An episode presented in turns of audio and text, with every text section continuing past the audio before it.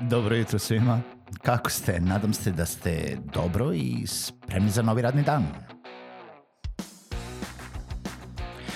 Pozdrav svima i dobrodošli na podcast Male pobede, stari novi podcast koji, well, koji je tu da bi vam kroz pitanje i savete dao motivaciju, pokrenuo vas u pozitivnom smeru i pomogao da ovaj dan počne bolje, jače i možda čak i zabavnije. Moje ime je Željko Crnjaković.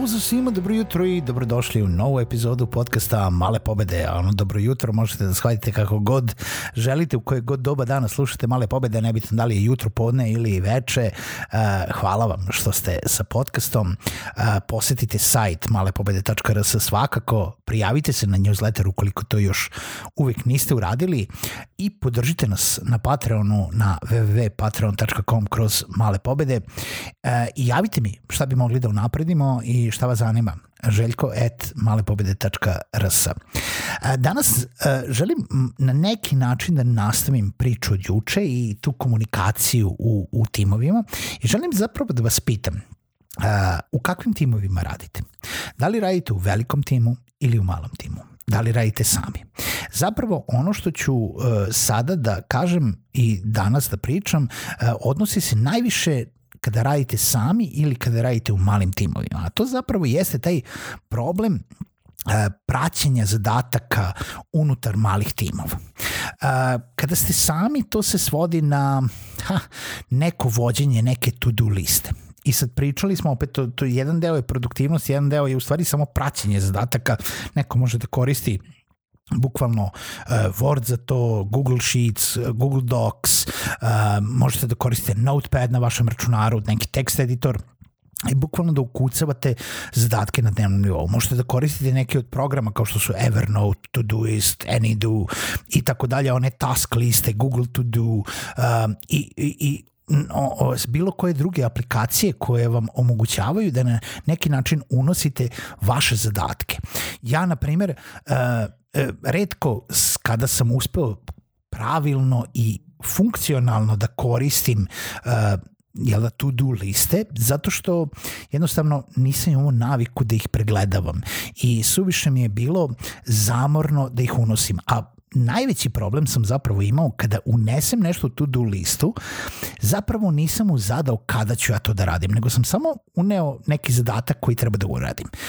I e, došao sam do toga da ja sam najbolje funkcionisao da to u stvari u to-do listu unosim u kalendar. I čak i ono što nije sastanak i nije vezano za neko vreme zadam u koje vreme ću da radim zadam u koje vreme ću da napravim epizodu podcasta, zadam u koje vreme ću da napišem neki tekst, zadam u koje vreme ću da odem da se vidim sa nekim ili zadam kada ću da pišem nešto.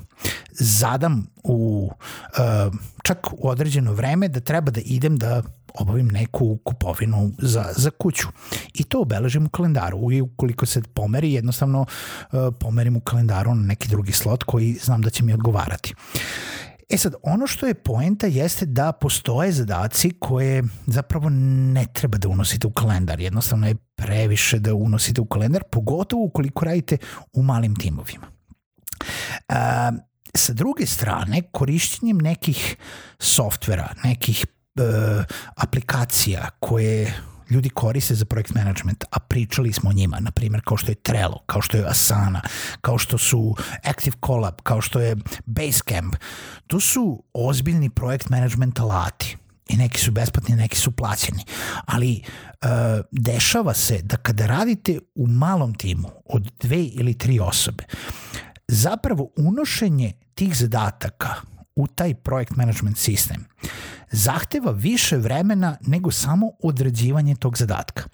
Samo zato da bi mogli da ispratite šta to treba da se uradi, kada to treba da se uradi, e, jer čak i elementi koji treba da se urade ili ih znate ili ćete puno lakše da ih iskomunicirate onako kao jer sedite jedan pored drugoga ili četujete u Slacku ili u Skypeu ili u Microsoft Teamsu ili bilo kojem drugom chat kanalu, jednostavno samo otvorite neki thread za to i majko mu neko već uh, funkcioniše firmu celu na, na Whatsappu ili na Viberu. Mislim, pogotovo kažem ukoliko su mali timovi. E sad, uh, zapravo to jeste problem. I dešava se da mnogo zadataka onako propadne kroz pukotine, što bi rekli amerikanci, ono falls through the cracks. Jer uh, i postoje zadaci koji, kao što smo rekli, nisu vezani za vreme. A sa druge strane, uvek se guraju po tepih zato što zvoni telefon ili stigne mail ili sve ono što smo pričali juče. I poslušajte jučerašnju epizodu oko te komunikacije, delegacije i postavljanja rokova oko zadataka. Ali kako ćete da pratite te rokove? Kako ćete sami sebi da odredite uh, ko je šta kada uradio, bez toga da morate da osjećate pritisak, da morate nekoga da podsjećate, da morate nekoga da stalno držite na oku, da, da ste zadovoljni ili da ste nezadovoljni sa time kako se komunicira s vama ili koliko brzo je rešen zadatak. Ili zašto on ili ona ili neki drugi član tima ili neki treći član tima nije to uradio kada ste vi zamislili da bi to trebalo da bude urađeno. Zato što niste dobro iskomunicirali na početku i to opet kažem poslušajte jučerašnju epizodu ali praćenje tih zadataka znači mora na neki način da se obavi. E sada, da li ćete koristiti neki Google Doc ili Google Sheet, to je još ok opcija, zato što u Google Docu ili Google Sheetu možete da se oboje ulogujete sa svojih računara ili sa svojih mobilnih uređaja ili sa laptopova i da menjate u isto vreme taj dokument. to je skroz ok ideja ukoliko znate da ga strukturirate kako treba. Znači, da li će to biti sad buleti, mislim, u Google Docu i Google Sheetu nemate one taskove koji će se samo da se precrtaju. Uh, mnogo drugih kolaborativnih to-do ovaj, lista ne nudi opciju uh, kolaboracije u timu, osim ako ne platite. Znači, postoje AnyDo, Todoist i uh, mnoge druge aplikacije, ali one nude te opcije timskog rada samo u premium varijantama. Asana i Trello koji su navodno, ne navodno, nego faktički besplatni, su glomazni i zahtevaju mnogo vremena da vi popunite i još morate da uđete u sve to.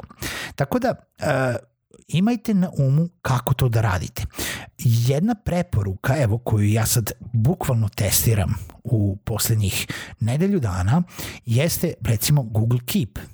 Zašto Google Keep? Zato što je besplatan, zato što ga svi imaju, zato što može da se radi kolaboracija e, sa bilo kime ko ima Google nalog, e, zato što postoje aplikacije za Windows, za, u stvari postoje ne aplikacije, nego ako ste na desktop računaru, na, nebitno da li ste na iOS-u ili na, na Windowsu, uh, ćete u Chrome-u veoma lako otvoriti Google Keep ili putem brauzera, a za iOS i za Android postoje aplikacije uh, koje veoma lako možete da skinete na vaš mobilni telefon i možete da namestite i podsjetnike i da pratite liste u bukvalno u realnom vremenu kako neko drugi ukucava, tako i vidite šta on ukucava.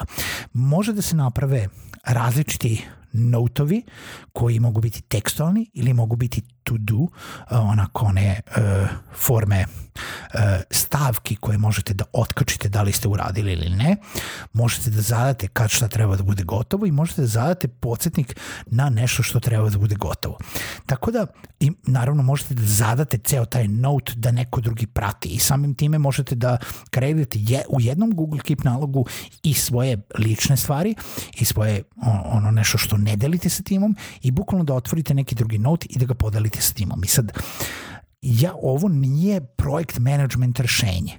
Ovo je rešenje za praćenje dnevno nedeljnih zadataka na kojima radi ili sami, na kojima radite ili sami, ili radi tim od i dve ili maksimalno tri osobe. Mislim, može da se radi na više, ali ako vas ima više, onda već koristite nešto od biljnih projekt management alata